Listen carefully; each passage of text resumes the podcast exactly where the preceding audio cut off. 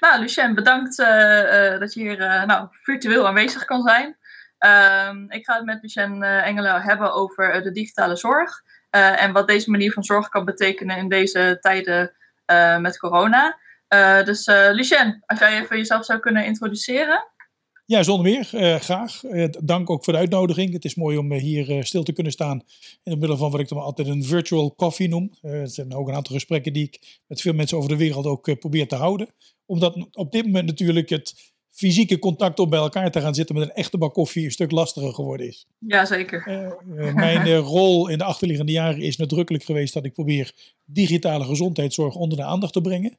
Zowel de kansen, maar ook de bedreigingen die daar natuurlijk gewoon in zitten. Wat je nu natuurlijk gewoon ziet rondom de hele coronacrisis, als ik het toch zo noem, uh, is dat in één keer uh, het gebruik van digitale zorg toepassingen uh, een behoorlijke vlucht krijgt. Ja, ja toch wel? nou ja, je ehm, ziet het nu, hè. kijk naar wat wij nu aan het doen zijn. Hè. We zitten nu in een soort van videoconference. videoconferencing wordt nu in de zorg heel veel gebruikt. Mm Zowel voor artsen, verpleegkundigen en beleidsmakers onderling, hè, tot en met het kabinet, Europese ja. Unie. Maar ook in families. Hè? Eh, dat je natuurlijk toch niet bij je vader of moeder, uh, die, uh, die op leeftijd zijn, makkelijk op bezoek kunt gaan. Maakt het toch wel dat je met, of het nou FaceTime of Zoom of wat dan ook is, wel makkelijk contact kunt houden. Precies, ik merk het, ook, merk het ook om me heen. eerder hoorde ik nooit iemand over videobellen en nu ineens heeft iedereen het erover. Goed, los. Ja, precies. Ehm, als ik het goed heb begrepen, heb je al meer dan 40 jaar ervaring in de gezondheidszorg, klopt dat? Ja, we hadden thuis eh, een aantal bedrijven en een daarvan was een ambulancedienst. En met name daarmee ben ik een uh, flink stuk verder gegaan. Ik heb eh, diensten mogen samenvoegen, mogen overnemen, meldkamers op kunnen zetten en ja, lang in de ambulancesector bezig geweest. Ja. Vervolgens de overstap gemaakt naar het Radboud UMC in Nijmegen. Mhm. Waar ik los van een stukje acute zorg ook een innovatiecentrum op heb mogen zetten. Het zogenaamde ja. Reshape Center. En heb daarna twaalf jaar mijn baan opgezegd en helpt nu onder andere Deloitte mee. Ehm, en daarnaast ook veel lezingen wereldwijd over wat er met digitale zorg kan en niet kan. Ja, nou dan, uh, dan ben je ook bij uitstek de juiste persoon om het uh, volgende aan te vragen. Want um, nou, we zitten uh, in, een, in een crisistijd met corona. er staat een enorme druk op de gezondheidszorg. Um, en wat kan nou precies digitale zorg betekenen in deze tijden? Want zoals je al zei, het, maakt, een, het maakt een, een, hele vlucht op dit moment. Zou je daar wat meer over kunnen vertellen? Ja, wat je nu ziet is dat ehm, er altijd natuurlijk vraagstukken zijn geweest en terecht over het gebruik van dit soort tools. Zijn ze veilig? Zijn ze makkelijk te gebruiken? Wordt het betaald? Kunnen patiënten ermee overweg? En nu moeten we. En dat moeten maakt in één keer dat dingen ook sneller vloeibaar worden. Mensen zeggen wel eens een keer, onder druk wordt alles vloeibaar. Je ziet nu ook dat het kabinet heeft uh, geregeld dat een aantal zaken iets minder stringent nageleefd worden. Er is een betaaltitel gekomen voor het gebruik van digitale tools om het makkelijker te maken. Aan de andere kant zie je dus ook dat we eigenlijk gewoon geen keuze nu hebben. Want je kunt nou eenmaal niet uh, met andere mensen uh, fysiek in gesprek, zeg maar. dus, dus wat je daarin ziet is dat een aantal barrières die er altijd waren en ook nog steeds goed nagedacht moet worden over veiligheid en privacy natuurlijk. Maar wel even iets makkelijker geprobeerd wordt nu. En mensen ook zeggen van, hé, hey, ja, kan eigenlijk toch wel. Het is minder moeilijk of minder complex dan ik dacht. En ik kan toch nog steeds een goed beeld van die patiënt krijgen. Natuurlijk houden we nog steeds dat je bij die patiënt uh, um, uh, moet kunnen komen op het moment dat het nodig is. Hè. Laten we dat voorop stellen. Maar er zijn ook heel veel situaties waarin het wel kan. En Um, zou je wat voorbeelden kunnen noemen voor mensen die niet heel erg in, in, in dit onderwerp zitten van uh, toepassingen van de digitale zorg die op dit moment heel erg relevant zijn? Nou ja, in aanvulling van videocommunicatie zie je nu uh, bijvoorbeeld gebruik van data. Hè. Als je een beetje creatief uh, in, in, dit gesprek blijft, dan zou je natuurlijk ook kunnen stellen dat het gebruik van data ook digitale zorg is. Ja. We hebben tot nog toe altijd gebruik gemaakt van data uit wetenschappelijke literatuur, om een voorbeeld te mhm.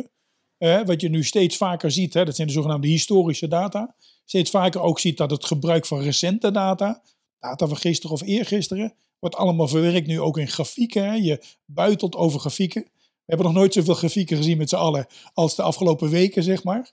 Uh, en waar je nu naartoe gaat, is meer die real-time component. Hè? Dat je dus eigenlijk data hebt die as we speak gewoon gegenereerd wordt. En daarmee verandert ook de aard van die data. Hè. Van statische data konden er dingen mee voorspellen. En we gaan nu denk ik naar een periode toe dat je zelfs gaat voorschrijven op basis van die data. En dat is natuurlijk een, een interessante mogelijkheid. Uh, dat betekent ook dat je dus data op kunt halen op een andere plek. Laat ik een voorbeeld noemen nu in de ziekenhuizen. We kennen inmiddels allemaal wat er op de intensive care gebeurt. Maar er worden nu ook patiënten opgenomen op niet-intensive care afdelingen die wel eigenlijk intensive care zorg leveren. Dus je zou eigenlijk willen dat je op die plek ook een patiënt kunt monitoren, ondanks het feit dat hij op een andere locatie is. En is dus dat, dat remote monitoring, zoals wij dat noemen, is natuurlijk wel een belangrijk element, bijvoorbeeld van digitale zorg, om ook patiënten in hun thuisomgeving te kunnen monitoren. Ja, en um, ik kan me ook best wel voorstellen, dit is allemaal nog heel erg nieuw voor mensen. En uh, dat mensen ja, hun twijfels hierbij hebben van, is dit wel, uh, wel ook net zo veilig? Word ik wel op een goede manier gemonitord? Um, is dat zo? Is het een veilige manier? Nou ja, weet je, er zijn een paar dingen. Uh, om te beginnen hebben we te maken met technologie die beschikbaar is. En we moeten natuurlijk zorgen dat we goed valideren, zoals ze dat altijd zeggen, met wetenschappelijk onderzoek. Dat ja. het daadwerkelijk doet wat het zou moeten doen. Ja. Het tweede is dat iets ook gewoon uh, uh, duurzaam moet zijn, als in het moet niet soms wel en soms niet doen.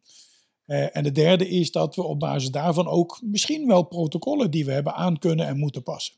Maar het allerbelangrijkste daarin is natuurlijk wel dat de patiënt zelf snapt ervaart en ook durft gebruik te maken daarvan. Ja, en, en dat.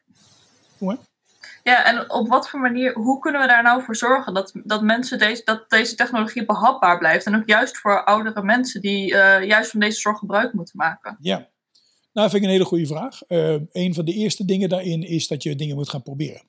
Je kunt nog heel veel over dingen praten. Dat hebben we de achterliggende jaren veel gedaan. Praten, ja. praten, praten. Denken, denken. En denken voor patiënten zonder dat we met patiënten zelf aan de slag zijn gegaan. Ja. Laat ik één voorbeeld noemen, uh, de iPad. Het gaat even niet over het merk, maar uh, als ik zie hoeveel ouderen tegenwoordig gewoon met een tablet PC, gewoon met hun kinderen, met Skype of met FaceTime gewoon contact hebben en houden. Ja. Dat hoef je niet uit te leggen. Dat is technologie, die snappen ze. Uh, ja. Daar moet je één keer laten zien en dan kunnen ze prima mee omgaan. Dus ja. het zegt ook iets over het design van de spullen die je wil gaan gebruiken. En dan heb ik het niet over hoe iets uitziet, maar hoe iets werkt.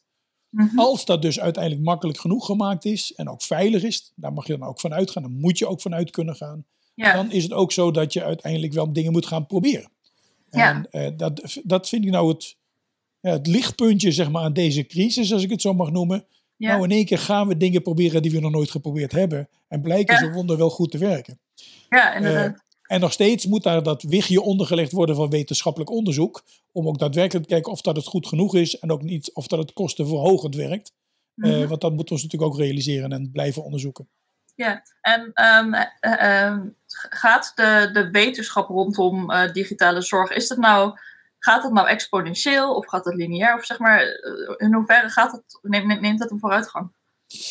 Ja, weet je, um, het, het, mooie aan jouw vraag is dat, dat de correlatie tussen wetenschap en exponentieel ook wel een interessant is. Hè? Wat we heel vaak zien bij wetenschappelijk onderzoek, is dat dingen ook lineair verlopen. Ik pak toch even een grafiek bij die niet specifiek voor dit onderwerp, maar de gele lijn is de lineaire lijn met allerlei ontwikkelingen die we in de maatschappij vaak zien.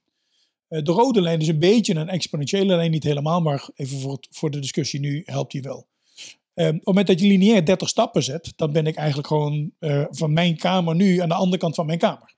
Op het moment dat ik uiteindelijk uh, eh, 30 stappen exponentieel zit, ben ik 25 keer, bijna 26 keer de aarde rondgegaan. En dat is ook wel wat je nu ziet in deze corona-situatie, uh, is dat we een beetje verrast zijn door de snelheid waarmee ontwikkelingen op ons afgekomen zijn. He, dat we nog een denken waren van het is gewoon griepje en het zijn maar 10 mensen of het zijn maar 11 mensen. En, en in één keer schoot dat natuurlijk gewoon omhoog. En dan helemaal wat je nu in Amerika ziet bijvoorbeeld. Ja. Dus die manier van denken, uh, ook accepteren en snappen dat met technologie en ook de snelheid ten gevolge van hoe we ons bewegen, met vliegtuigen en noem maar op, dat dingen veel sneller verspreid raken. Het heeft ook een beetje, dat van de week een, een gesprek met Rob Rainwright, is de voormalige baas van, van Europol, is tegenwoordig ook een van mijn collega's bij Deloitte, ja. uh, over de analogie tussen cybervirussen en, en, en, en bijvoorbeeld uh, pandemievirussen. Dus wat we nu mee te maken hebben, een pandemie ten gevolge van een virus. Ja. Er zit niet alleen in taal heel veel vergelijking, maar ook nog eens een keer in hoe de snelheid. Hè, dat je dus echt exponentieel dingen ziet, ziet toenemen. Ja, ja. En, en dat is ook wel iets wat we ook aan de wetenschappelijke kant. We zullen moeten zorgen dat we sneller onderzoek kunnen doen. En dat zie je nu bijvoorbeeld rondom uh, het vaccin. Dat nu in één keer een aantal stappen overgeslagen kunnen worden. Um, die we normaal wel nemen. En ik zeg dus niet dat ze normaal niet nodig zijn.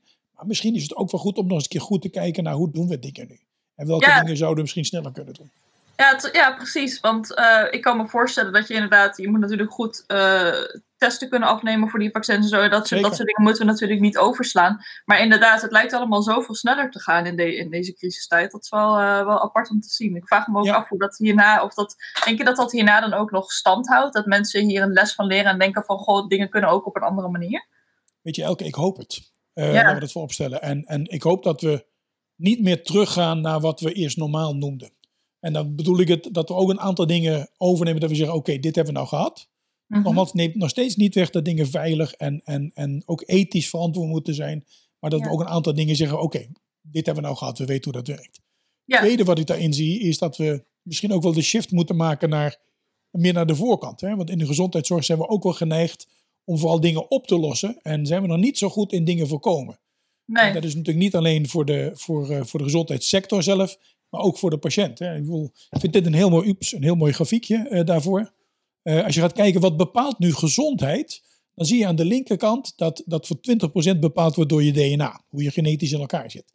Voor 20, iets meer dan 20% waar je geboren bent, hè, waar je wieg stond, dat bijna 40% bepaald wordt door jouw gedrag. En dan hebben we nog een beetje de combinatie van alles. En 6% van hoe, je, hoe gezond je bent, wordt bepaald door de medische interventies die we doen. Als je dan aan de rechterkant kijkt, is het eigenlijk ook wel een bijzonder dat we 90% opmaken aan die 6%. Terwijl we dus eigenlijk weten dat we dus veel meer kunnen voorkomen dan dat we nu aan de achterkant oplossen. Dus veel van het geld gaat nu aan dingen naar de achterkant oplossen, terwijl we misschien iets meer moeten gaan verschuiven naar de, naar de voorkant zeg maar, eh, van het verhaal. En, en dat,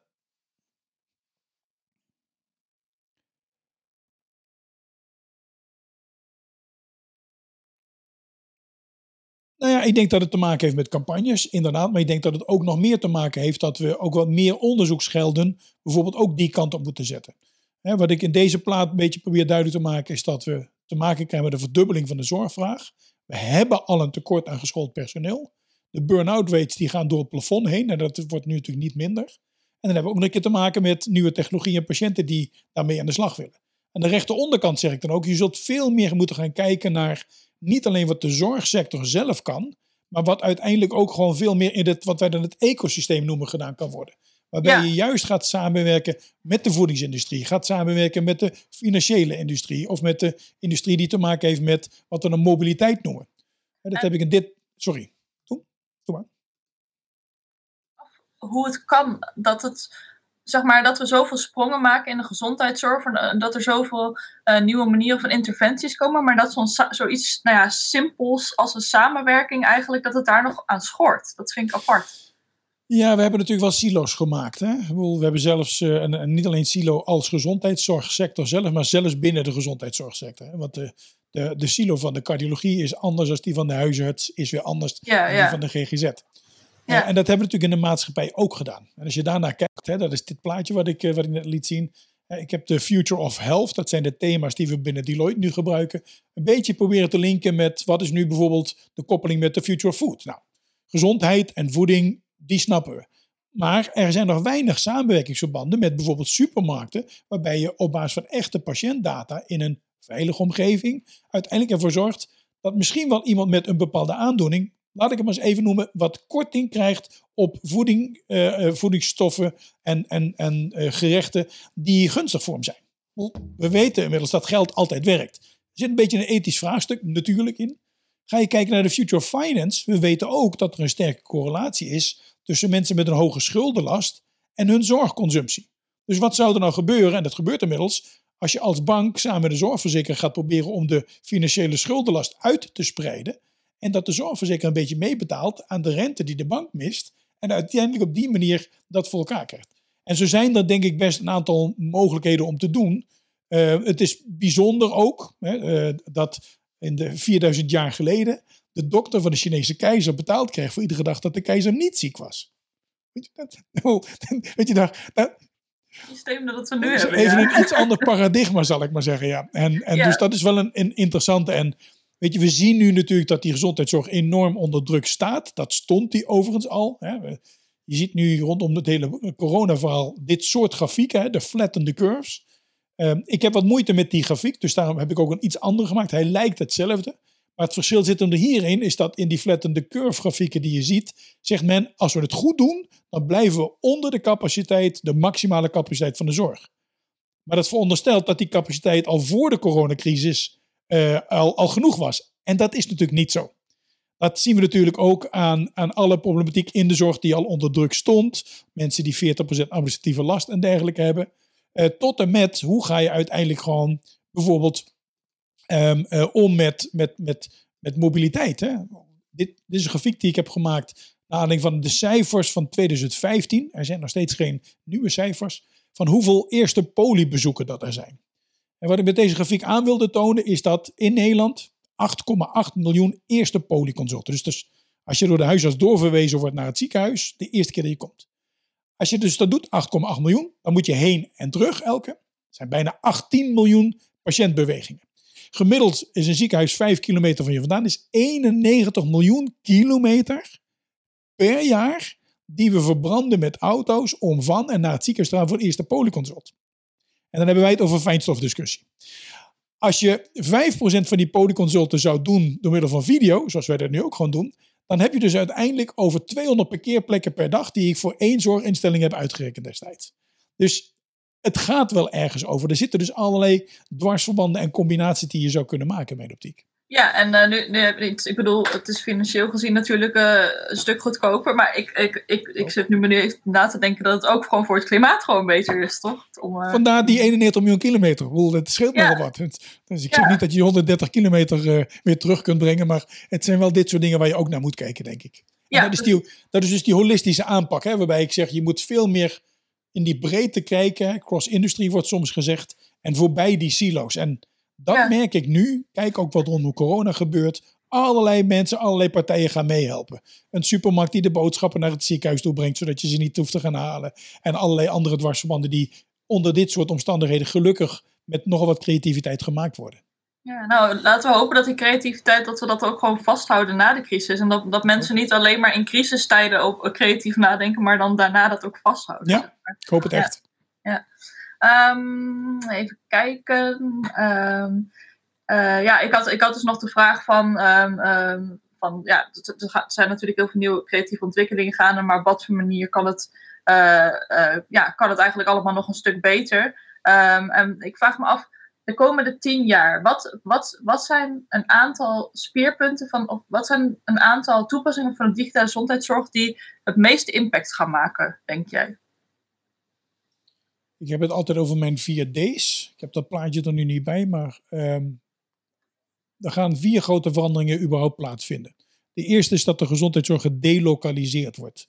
We gaan dingen op een andere plek doen. In Amerika zie je dat ook. Hè? Dus even voor de coronacrisis is dat nu Walmart en, en Amazon en Apple zelf klinieken aan het bouwen zijn. Waarbij ze laag complexe zorg gaan leveren voor hun eigen medewerkers, maar ook voor hun eigen klanten. Ja. Uh, daarnaast zie je dat door gebruikmaking van technologie dingen op een andere plek plaats kunnen vinden. Het hoeft niet maar allemaal in het ziekenhuis of bij de huisartsenpraktijk. We hebben mhm. bijvoorbeeld over dat monitoren op afstand. Ja. Dus dat is die eerste D, delokaliseren. De tweede is de democratisering. En dat komt doordat patiënten, burgers eigenlijk, zelf de beschikking hebben over hun eigen data. Um, zijn zij in staat om meer daarop te kunnen acteren? Ik vind het een mooi voorbeeld altijd, vind ik dan de, de, de, de smartwatch van, van Apple als voorbeeld. Eh, en alles wat je in je telefoon hebt zitten. Dat je dus zelf de beschikking hebt over gegevens en eigenlijk kunt anticiperen daarop. Maar ook zelf kunt gaan bepalen met wie je die gegevens wil gaan delen. Het is nu zo dat je als je bij een ziekenhuis onder behandeling bent, dan krijg je een portal en dan mag je in dat portal kijken wat zij over jou weten. Maar een ander ziekenhuis waar je ook bent geweest, of bij de huisarts, of bij de tandarts, of bij de apotheek, moet je overal apart in gaan loggen. Dus ja. die democratisering maakt, en dat hebben we ook in andere sectoren gezien, dat als de burger, consument, ik zeg dus niet dat de patiënt de consument is, hè, als de consument zelf inzicht heeft in wat hij zou kunnen, kijk naar de reisbranche, kijk naar wat je op Amazon en Bol.com doet, dan democratiseert dat het proces. Dus dat is de tweede ja. D. De derde D is dat dingen inderdaad digitaal worden. En dan gaat het niet alleen over de techniek, maar vooral ook over die snelheid. Vroeger had je een missionaris en een boot nodig om iets van Europa naar Afrika te brengen aan kennis of andersom. En nu hebben we YouTube. Weet je? Ja. Maak wel eens af en toe de grap dat de scheet die een olifant in India laat, die staat eerder op YouTube omdat ze hem daar ruiken, bij wijze van spreken. Dus, dus door die digitale slag gaan dingen veel sneller. En de vierde D, dat gaat over dollars of duiten, zo je wil. Er gaat ook heel veel geld mee gemoeid. En grote, vaak techbedrijven, zien een kans om hiermee ook een voet tussen de deur te krijgen van, ehm, van nog meer consumenten, zeg maar, die Ja. uiteindelijk patiënt worden. Eh, en hebben overigens ook wel een hele goede bijdrage aan de andere kant. Hè, als ik, pak maar weer even het voorbeeld, eh, eh, als, als, als de partij die mijn smartphone maakt mij onrustig maakt dat ik niet de laatste versie heb, omdat ik dan niet alles kan wat ze eigenlijk zouden willen. Stel Ja, je nou eens voor dat we dat soort psychologische oorlogsvoering, zou ik het bijna willen noemen, kunnen gebruiken om een patiënt zich te laten houden aan de afspraak die we gemaakt hebben. Rondom zijn Ja. dieet of het aantal sporten en noem maar op aan wat hij zou moeten doen. Dus die vier D's, democratisering, ehm, eh, delokalisering, digitaal en dollars, maakt voor mij een beetje het totaal setje van, of kwartetje van vier, wat een beetje die verandering inluidt nu, denk ik. ja, en ook die eigen data in handen hebben. En wat je zegt van het stimuleren van patiënten, dat is natuurlijk ook wat je zegt. Dan ga je meer zitten op het voorkomen en eh, minder op het ja. Ja, fixen ervan eigenlijk. Ja. En dan komen we dus ook weer op dat andere stuk wat ik straks liet zien, hè, dat oranje in deze slide, op het gedrag. Als je dus de juiste informatie hebt, eh, betekent dat ook dat je daarmee sneller gaat acteren. Het gaat overigens niet voor iedereen en altijd, maar laten we gewoon even als simpel voorbeeld het sporten noemen. Een enorme vlucht heeft het sporten ook genomen, doordat je nou in één keer zelf kon meten hoe hard je gelopen had en, hoe, en wat je hartslag was. En dat je dat kon delen met je vrienden en je vriendinnen. Dat je zegt van, joh, dit was ik. En dat iemand 's ochtends om tien uur tegen je zegt, nou, nou, nou, nou Elke. Want dit had wel harder gekund vandaag. Bij wijze van spreken. Dus, dus die nudging component zit daar ook een beetje in. Ja, zeker. Ik, uh, ja, daar ben ik het helemaal mee eens. Um, even kijken. Volgens mij uh, was dat het van mijn kant wel zo'n beetje. Um, jij bent op dit moment bezig met een, uh, een podcast, klopt dat? Ja. kan je daar wat meer over vertellen? Nou ja, ik was een tijd geleden al begonnen met de, met de, met de podcast inderdaad. Hè. Podcast is dan vooral de audiocomponent. Om met een aantal mensen die ik vaak tegenkom of vaak contact mee heb. Of die ik interessant vind, inderdaad stil te staan bij wat is er nou gewoon het gebeuren. Ja. Gaandeweg de discussie, ondanks het feit dat ik podcast in de audiovariant belangrijk vond, kwam er ook steeds meer technologische mogelijkheden zoals wat wij nu aan het doen zijn. Hè. Ik heb hier nou zo'n mini-studio thuis ingericht en kan eigenlijk gewoon zelf een klein beetje uitzending spelen, bij wijze van spreken. En ik denk, en dat was wel wat ik miste aan het verhaal, alleen in de audiocomponent, is je mist toch even soms een slide die je kunt laten zien of even de, het beeld erbij. Dus ja. heb ik ervoor gekozen om met een vodcast, zeggen ze dat dan, noemen ze dat dan, hè, dat ook de videocomponent erbij zit. Ja. Dat nu gaat doen. En ja, ik heb dat nu in deze tijd van de coronacrisis maar de, de virtual coffee genoemd. Um, waarmee ik juist met een groot aantal mensen, zowel in Engels als in Nederlands, in gesprek zal gaan. En ik zend dat vooral uit via LinkedIn, omdat ik een van de LinkedIn-influencers ben. Het zijn 830.000 volgers of nog meer inmiddels. En ik Ja, heb dus nu de echt, mogelijkheid om, ja, het is bizar gewoon, Ja, ja. om dat rechtstreeks naar buiten te sturen. En ook dat mensen erop kunnen reageren. Um, en dat is ook wel leuk om dat in combinatie met uh, IOTV, of OITV te doen. Uh. Om die misschien wel te crossposten, zoals dat dan netjes heet. Om ze ook hier bij jullie neer te zetten. Ja, het lijkt me inderdaad heel erg uh, interessant om dat ook bij ons uit te zenden. Dus uh, ja, je ziet dat bij ons uh, komende tijd ook gewoon terug op de stream.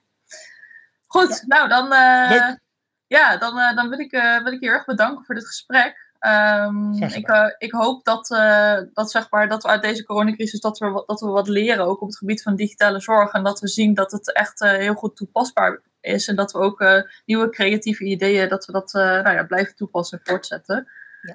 Um, en wat meer tijd en empathie voor elkaar over hebben. Want dat zie je nu wel weer terugkomen. Dat in één keer waarden die we misschien een klein beetje vergeten waren in de achterliggende Zeker. tientallen jaren, ook wel weer terugkomen.